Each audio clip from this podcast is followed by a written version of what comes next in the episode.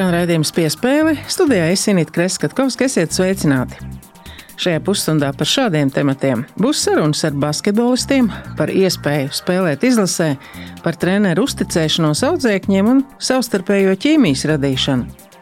Izglītības un zinātnes ministrija ir iecerējusi reorganizāciju veikt profesionālās ievirzes sporta izglītības programmu finansēšanas modelī.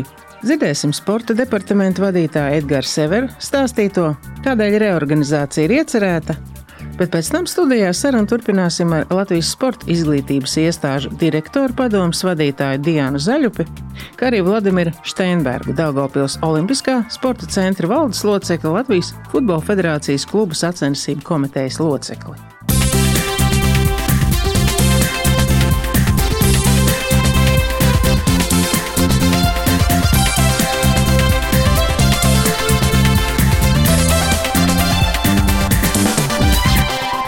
Latvijas basketbola izlase ir sākusi cīņu par iekļūšanu Eiropas čempionāta fināla turnīrā. Jau aizvadīta spēle savā laukumā pret Bosniju Hercegovinu, bet jau rīt gaidām divu cīņu ar Bulgāriju izbraukumā. Piespēlēsim ar oranžo bumbu un nedaudz arī pafilozofēsim par nacionālo pašlepnumu, par treneru uzticēšanos un par paudžu maiņu izlasē. Arktūrs Kuruts, izlase, zvaigznes uz krūtīm un droši vien arī cerības joprojām, vai ne? Protams. Izlases un klubs - tas ir divas dažādas lietas, un tomēr ir droši vien treneru vēlme atrast to labāko veidu, kā sev parādīt tādā kopā sakarībā. Savākt spēlētāji no daudziem klubiem, maz laika izveidot eh, komandu pilnvērtīgi, lai būtu laba saprašanās laukumā. Tā kā nu, mums maksimāli jāizmanto šīs laiks, kas mums ir dots treniņiem, lai mācītos sadarboties laukumā kopā. Tā ir dot iespēja, ja nav vadošie līderi tiem, kas varbūt klauvē pie tāda līdera statusa, vai kam varētu tikt dots lielāks spēles laiks tev ieskaitot? Jā, nu, Manā gadījumā tas forši man paveicās, protams, ka daudz spēlētāju nevarēja atbraukt. Nu, un arī visiem pārējiem tā ir lieliska iespēja. Es domāju, tas arī laukumā parādīsies ar lielāku atdevi, domāju, ar lielāku enerģiju un emocijām. Latvijas basketbola fani vienmēr ir tie, kas par izlasi krīt un ceļās. Un kas, tavuprāt, ir šīs izlases lielā iespēja, ko var parādīt? Jo, manuprāt, ir tā paudžu maiņa, kas ļoti līmenī nāk. Mēs esam diezgan pārliecināti par to, ko mēs darām. Mēs ticam, ka mēs varam uzvarēt. Un, es nezinu, nu, mēs zinām, ka mēs esam basketbola valsts un mums būs jādara viss iespējamais, lai uzvarētu. Es domāju, mūsu gadījumā mūsu trumps varētu būt tā enerģija un tas uguntiņš acīs, ja pat cik mēs esam daudz jaunu spēlētāju šajā izlasē un gribēsim sev pierādīt. Artur Žagars sarunāja Latvijas radio. Artur, droši vien jau tāds svaiga emocija mākslinieks ir atkal atgriezties sezonas vidū Latvijā, vai ne?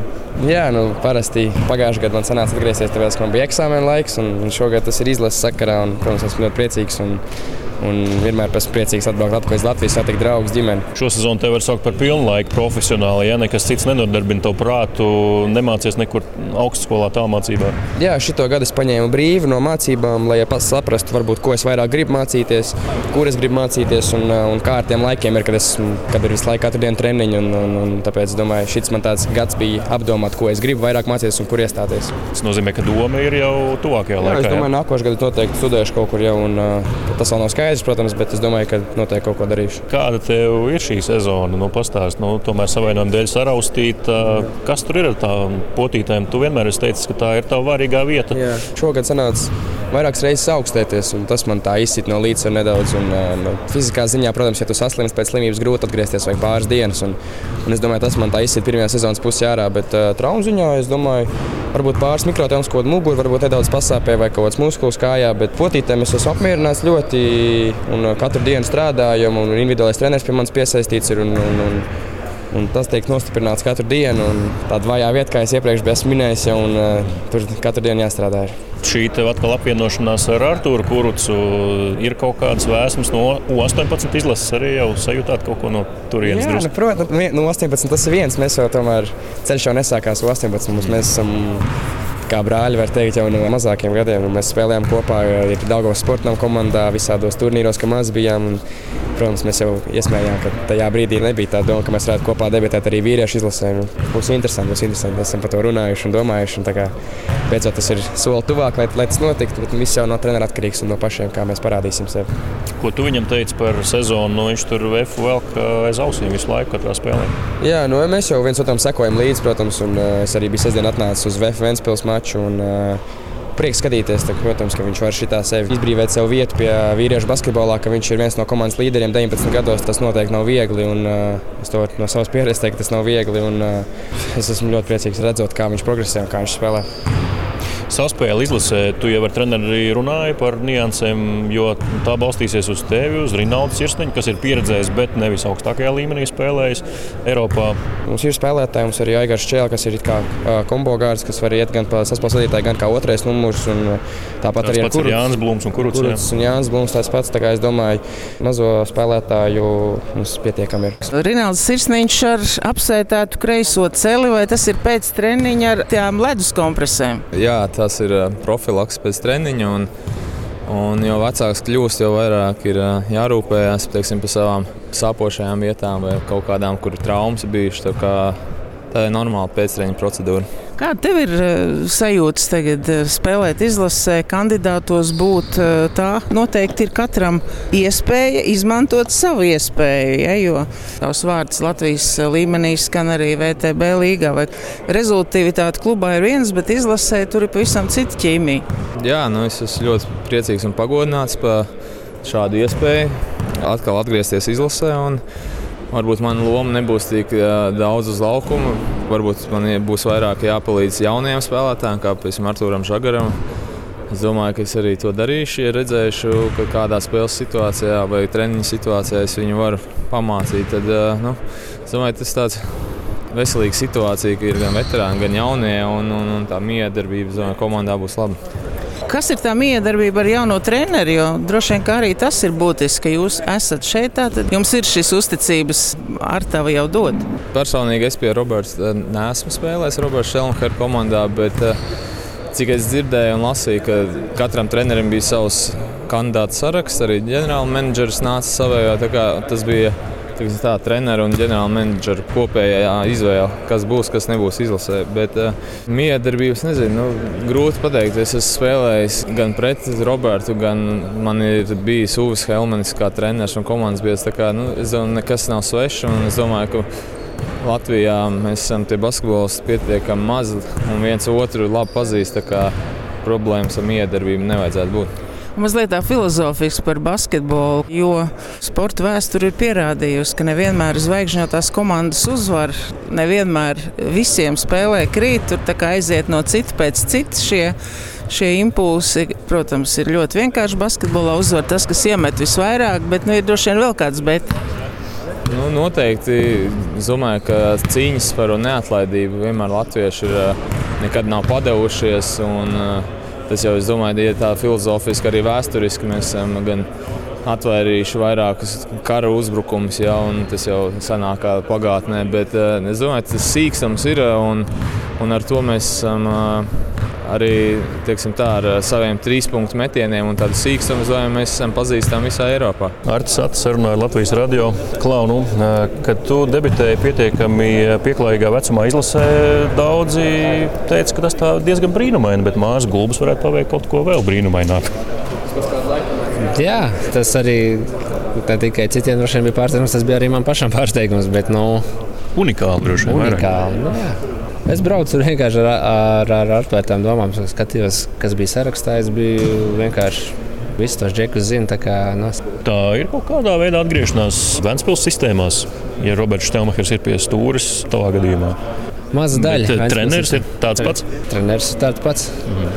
Es domāju, ka nav mainījies. Bet izpausmēs tāds pats? Ja? Izpausmēs tāds pats ir, jā stingrs, strikts un, un, un zina, ko viņš grib. Mm. Viņam ir vieglāk, tāpēc, ka viņš pazīst spēlētājus, līdz ar to viņš zina viņa stiprās puses, vājās puses, un viņš zina, kur, mm. kur ko izmantot. Kā tev Rumānijā iet? Labi, nav viegli, teikšu tā, tāpēc, ka uh, viss treniņu process viss ir diezgan smags un visas pārbraucieni arī nav viegli, tāpēc, ka, kā piemēram, tuvākais izbraukums mums ir 190 km, bet tur jābrauc 4 stundas, tāpēc, ka nav autobāņu, mm. ātrgaitas ceļu, jā, latviešu ātrgaitas ceļu.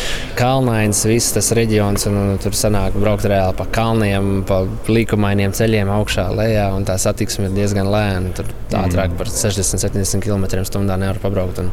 Tad iedomājieties ar autobusu, ir vēl grūtāk izmanīvēt tur caur visiem tiem kalnu ceļiem. Arī vietējās līgās katru izbraukumu spēli mēs braucam dienu iepriekš uz spēlēm. Līmenis ir diezgan solīds. Tur katrā komandā ir 5, 6 leģionāri vismaz. Tā līga attīstās ar katru gadu ar, ar vien vairāk. Es nezinu, kādā veidā, bet viņi māca piesaistīt naudas līdzekļus. Atliek vienīgi spēlēt. Vienā no pirmām dienām es aizbraucu uz turieni, un, protams, man vajadzēja kaut kādas primārās lietas, aizbraucu uz lielveikalu. Un es gāju ārā no lielveikala ar, ar, ar trīs iepirkuma maisiem. Mm. Un es redzēju, man kur bija atšņurējusies. Es tā kā noliecos, sašņurēju kur.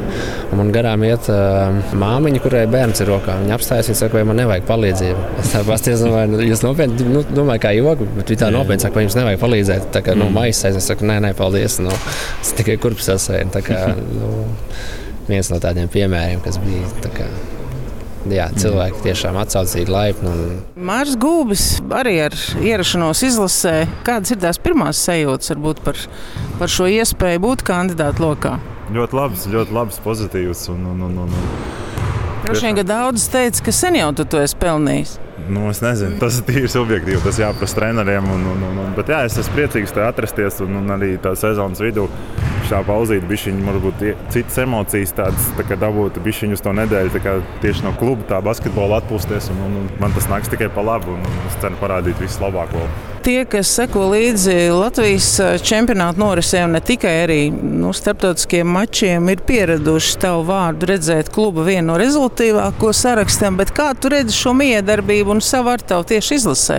Kas ir tie sadarbības partneri, ar ko tu jūti, ka tu varētu tā kā labāk, un droši vien arī treneri mēģinās atrast šo standēmu? Treneris zina mani ļoti labi, es zinu treneri, četrus gadus tomēr pie viņas bijis. Un, un, un, Es domāju, ka izlasē tas nav svarīgākais, kurš tur gūst punktus vai ko, bet eh, katram ir dot uzdevumu un, un, un kā ar to tikt galā jādomā par to. Nu, katrā ziņā, kur treneris liks un ko viņš gribēs no maniem, to es arī esmu gatavs darīt. Tas ir tas variants, ka treneris tevi klubā jau ir labi iepazinis un redz tavu iespēju arī izlasē. Es domāju, ka jā. Es domāju, ka tā es domāju, ka jā, jā. Gundaram Vētram, tu biji viņa spēlētājs. Bija tā pašos pirmsākumos. Ja? Jā, tā tas bija. Ir būtiski, ka treneris uzticās spēlētājiem, ir tas lielo minūšu skaits, kā var izpelnīties ilgtermiņā. Nu, droši vien tikai ar uzbrukumu nē, tā ir arī dzīve aizsardzībā un dzīve basketbolā, arī ārpus basketbola. Protams, tā arī ir. Gan jā, laukumā būtu darīt visu labu, kas ir nu, kas jādara. Teiksim, uzbrukums, aizsardzība, gan būt labam komandas biedram, labam cilvēkam ārpus, palīdzēt citiem. Nu, teiksim, es domāju, ka trenerim vienmēr ir patīkami spēlēt ar tādiem spēlētājiem. Nu, viņš grib redzēt to, ka tu padari komandas biedrus labākus. Nevis tu domā tikai par sevi, kā tas ir basketbolā. Varbūt spēlētājiem ir tā vairāk, ka dažreiz tas ego nāk ārā, kad man tur ir tas, bet es domāju, ka treneris noteikti grib redzēt tādu komandas spēli ceļš, kur nu vēl izlasē, nu, kur, kur mērķis ir galvenais visiem. Nu, arī tevi es gribētu uzskatīt par vienu no jaunajiem izlases kontekstā. Tiem, kam deg acis, tie reizēm izdara vairāk nekā tie, kas varbūt klubos ir beigās zvaigznes, bet atbraucot uz izlasi, nevienmēr tas tā. Nezinu, vai tā ir iespēja beigā, bet es, protams, esmu priecīgs te būt un, un, un, un, un vienmēr uzvilkt, es domāju, izlases krekli ir katrs, kāpēc mēs spēlējam to basketbolu vispār. Nu, personīgi man par to baigo iespēju, ka es tur kaut kādu izraušanos NBA es vairs nespēlēšu. man nav vairs 18. Es vienkārši nāku ar prieku un es gribu palīdzēt savai valstī un, un, un, un izlasē visiem palīdzēt, parādīt labāko, kas man ir un kopīgi sasniegt mērķus. Par to sportisko dinastiju es jau daudzkārt eh, tavai mammai Anitai Gulbēs jautājusi par to, kā viņa kā izcila volejbolista arī PSRS izlasē un, un pasaules universitātes bronzu, manuprāt, jā. Abi dēli basketbolā. Kā tas ir iznācis, un vai tas ir tikai likumsakarīgi, ka tā tas bija, jo, jo tavs brālis Mārtiņš šobrīd treneru statusā būtu basketbolā noteikti, ja ne traumas un citas veselības lietas. Es pa sevi domāju, tas bija tik sen jau atpakaļ, ka man kaut kā dabiski aizgāja tas basketbols. Es pat nezinu, man pat nelika neko māmu ne izvēlēties, ne volejbolu. Man vienkārši patika labāk basketbols. Manā sakarā Mārtiņš vienkārši, kad mēs jau spēlējām basīt, viņš vienkārši braukāja līdzi kā mazais brālis. Es domāju, viņam tas arī ir dabiski ienāca, ka viņam tikai viens tas sporta veids basīts, viņam arī iepatikās un tā aizgāja. Māra veiksmu, lai spēle izlasē būtu tikpat veiksmīga kā klubā. Sākumā jā, teikt, paldies! paldies. Ne Kristaps Ozniņš būs tā brīnuma nūja, kas garantēti mums, ne arī tagad mēs esam norakstām. Kad tev paliek viss grūtāk, bet tu zini, ka tu cīnies par komandu, tu cīnies par Latvijas vārtu, tur parādās tā cīņa. Izglītības un zinātnes ministrijas sporta departamenta vadītājs Edgars Severs sarunā ar Latvijas radio jau uzsvēra, ka sporta skolu sistēma ir laba, bet tai vajadzētu attīstīties jau nākamajā pakāpē, lai pēc iespējas labāks rezultāts varētu sasniegt jau pieaugušo līmenī. Sporta skolu vadības jau tagad ceļ trauksmi, lai gan reorganizācija vēl ir pašā diskusiju sākumā, pat vēl nav izstrādāts ministra kabineta projekts ir izsūtīts visām federācijām, un līdz 4. martam ir jāiesniedz priekšlikumi. Ministrija uzsver par trim līmeņiem - trīs sporta stundas nedēļā, interešu izglītību un sporta skolu jau kā augstākais līmeņa punkts.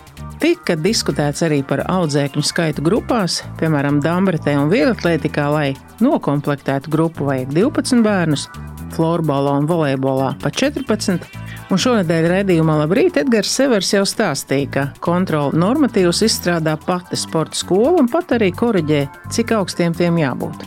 Edgars Severs. Mēs runājām par diskusiju sākumu procesam, lai pārskatītu un diskutētu, vai mums ir nepieciešamas izmaiņas sporta skolu sistēmā. Atgādināšu, ka mums skolā ir trīs sporta stundas, tur nav nekādi kontrola normatīvi rezultāti rādītāji. Mums ir interešu izglītība, kas ir pulciņa sistēma. Tur arī nav nekāda kontrola normatīva rezultāti rādītāji. Un tad trešā šī pakāpe visaugstākā ir sporta skola, kuras mēģis ir gatavot mūsu bērnus, jauniešus, faktiski sagatavot labākos sportistus mūsu lielajām nacionālajām izlasēm. Cīnoties pret agrīnu specializāciju, pret pārlieku profesionalizāciju agrīnā vecumā, pret audzēkņu pārslodzi un tā tālāk. Un tā pirmā lieta, tas, ko mēs šobrīd esam izdarījuši, mēs esam aizpagājušā nedēļā izsūtījuši visām Latvijas sporta federācijām, kas vada un koordinē savu sporta veidu, lai viņas dod mums redzējumu un savu skatījumu par divām lietām. Pirmais, vai vajag vai nevajag paaugstināt prasības uzņemšanai sporta skolās, kā arī audzēkņu skaita grupā. Un otra lieta, kādas citas izmaiņas, viņuprāt, būtu sistēmā vajadzīgas. Un tad daži piemēri. Šobrīd mēs redzam ļoti lielu disbalansu starp dažādiem sporta veidiem. Vieglatlētikā, lai varētu grupu noklāpēt, vajag 12 sportistus, pat Dambretē, lai noklāpētu grupu, vajag 12 sportistus. Florbolā, lai noklāpētu grupu, vajag 14 sportistus, volejbolā 14 sportistus, bet lūk, futbolā līdz 17 gadam vajadzēja 14 sportistus, bet 17. gadā, kad tika veikts pēdējās izmaiņas, federācija to vai citu iemeslu dēļ rosināja šo bērnu skaitu būtiski samazināt. Šobrīd futbolā ir vajadzīgi desmit sportisti, lai uzsāktu grupu vienlaikus. Šīs pašas Latvijas Futbola Federācijas noteikumi, kas ir saistoši šīm komandām un visiem audzēkņiem, runā, ka tajā vecumā, kad mēs runājam jau par U13 vecumu grupu, komandai jābūt vismaz 16 bērniem. Un minimālākais komplekts, kad spēlē, ir 6 pret 6, kas ir mazliet agrīnākā vecumā. Attiecībā uz bērnu uzņemšanu es piekrītu, tas ir diskutabls jautājums. Lepni skan kontrola normatīvi, bet tā doma jau šobrīd faktiski arī ir, šos kontrola normatīvus izstrādā pati sporta skola.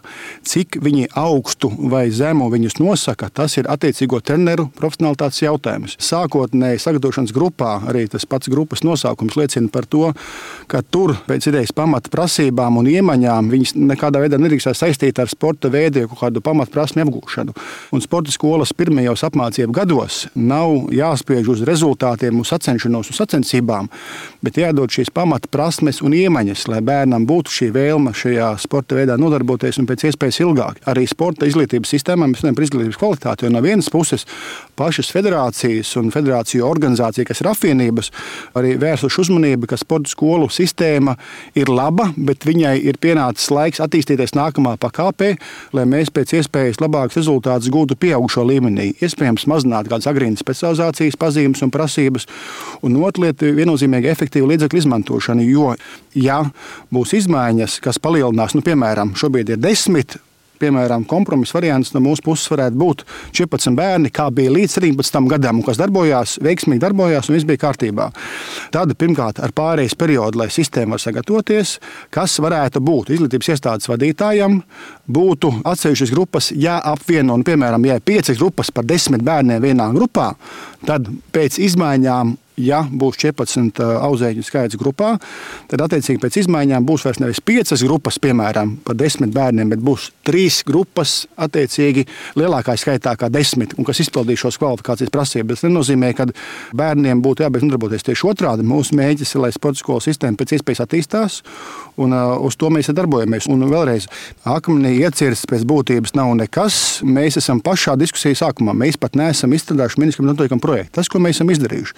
Mēs mēs esam nosūtījuši oficiālu vēstuli visām Latvijas sporta federācijām, kurās sporta veidi pārstāvētās 41 federācija un direktora padomē tā skaitā ar aicinājumu federācijām sadarbojoties ar sporta skolām, jo tur ir šie eksperti, lai viņi sniedz savu redzējumu, vai ir izmaiņas sistēmā vajadzīgas un kādas vai nav vajadzīgas.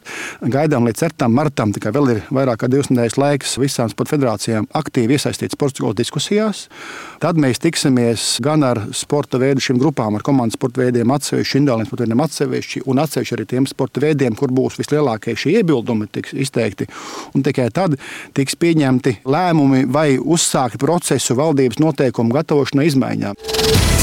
Viņš bija tāds motivators, ka es arī gribu būt tur, kur ir viņš un darīt to, ko viņš dara. Visiem spēlētājiem mēs ticam, gaidām, un, un vēl nekas nav beidzies. Vismaz viena spēle mums noteikti. Jā. Dzirdējām izglītības un zinātnes ministrijas sporta departamenta vadītāja Edgars Severa viedokli, bet piespēles turpinājumā sarunas studijā ar Delkaupils Olimpiskā sporta centra valdes locekli Vladimiru Steinbergu, kā arī biedrības Latvijas sporta izglītības iestāžu direktoru padomus vadītāju Diānu Zaļupi. Varbūt Diāna vispirms. Kas ir tas, par ko jau tagad ir jāceļ trauksme? Es piedalos burtiski, jāsaka, kā no vienas diskusijas šeit uzreiz nākamajā. Tās lielākās bažas mums no sporta skolām ir, protams, tās, ka jāsaprot pareizi. Mēs neesam pret pārmaiņām, mēs neesam pret sistēmas pilnveidošanu, bet šeit ir tāda spēle vienos vārtos. Ministrijas patreiz ieskatā būtu jāpalielina audzēkņu skaits grupās kas būtu jā, diezgan problemātiski reģionu sporta skolās, un arī mūsu kolēģi lielajās pilsētās saka, ka tas nebūtu tik vienkārši, un arī paaugstināt rezultātu. Savukārt pretī mēs palielinām nesaņemam neko, jo finansējums treneru darba algām netiek solīts palielināt. Tas ir uh, iepriekšējā apmērā, 2017. gadā, kā mainījās pedagoģa darba samaksas modelis. Tā viņš ir palicis tādā nemainīgā līmenī, jo aug audzēkņu skaits, auga sporta skolu, sporta klubu skaits, bet finansējums tam no valsts līdzi neseko. Par ko futbolisti ir satraukšies?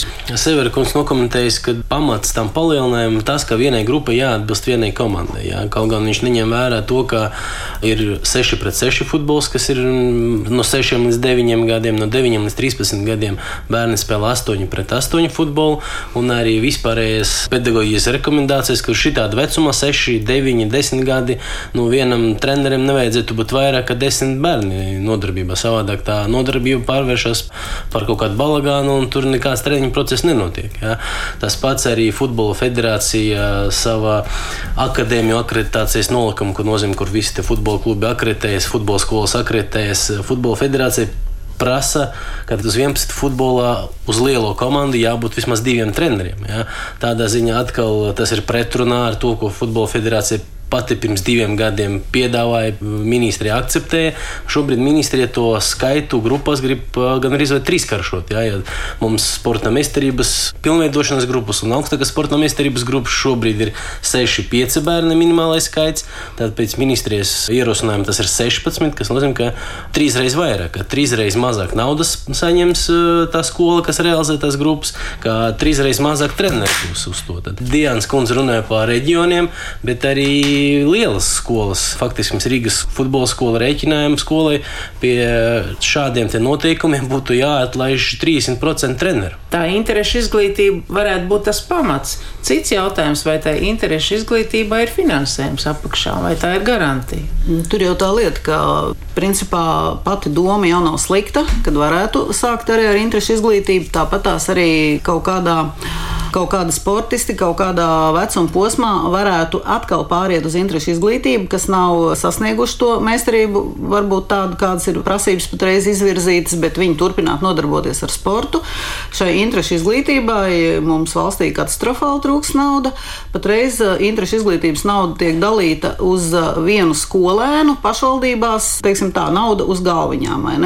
Un pārsvarā viņa nav pārāk liela, tā kā, piemēram, šogad uh, dziesmu un dēļu svētku gadā tad visi resursi ir vērsti, protams, lai sagatavotos bērnu un skolēnu dziesmu un dēļu svētkiem.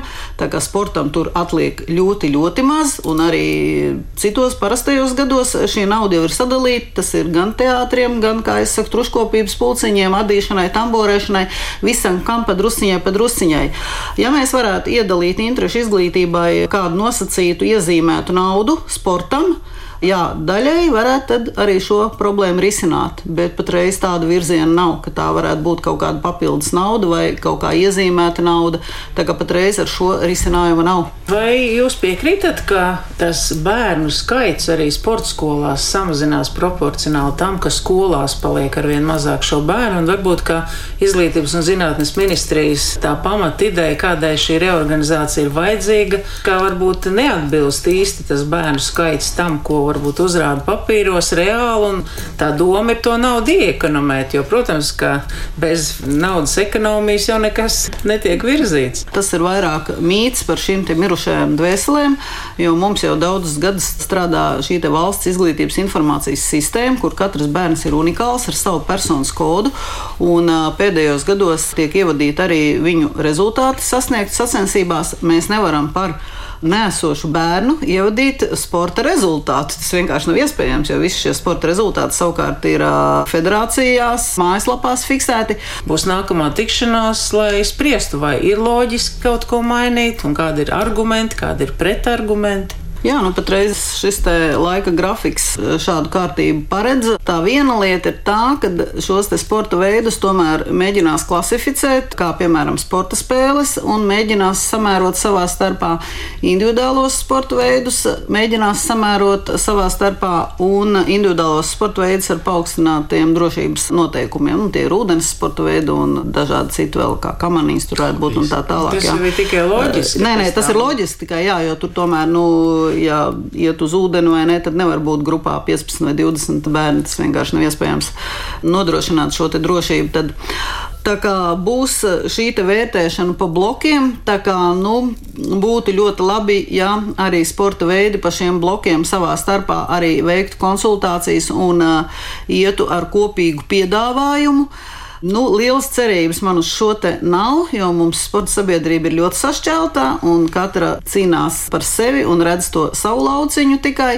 Federācijas diezgan kūtri vēl šim te pievēršās, ko jau es esmu arī daudzreiz, daudz kur teikusi, kad Federācijām interese tā lielā sākās tad, kad ir šīs izlases. Vienam otram sporta veidam tas ir jau tikai no 18 gadu vecuma, nu kādam no 16 gadu vecuma.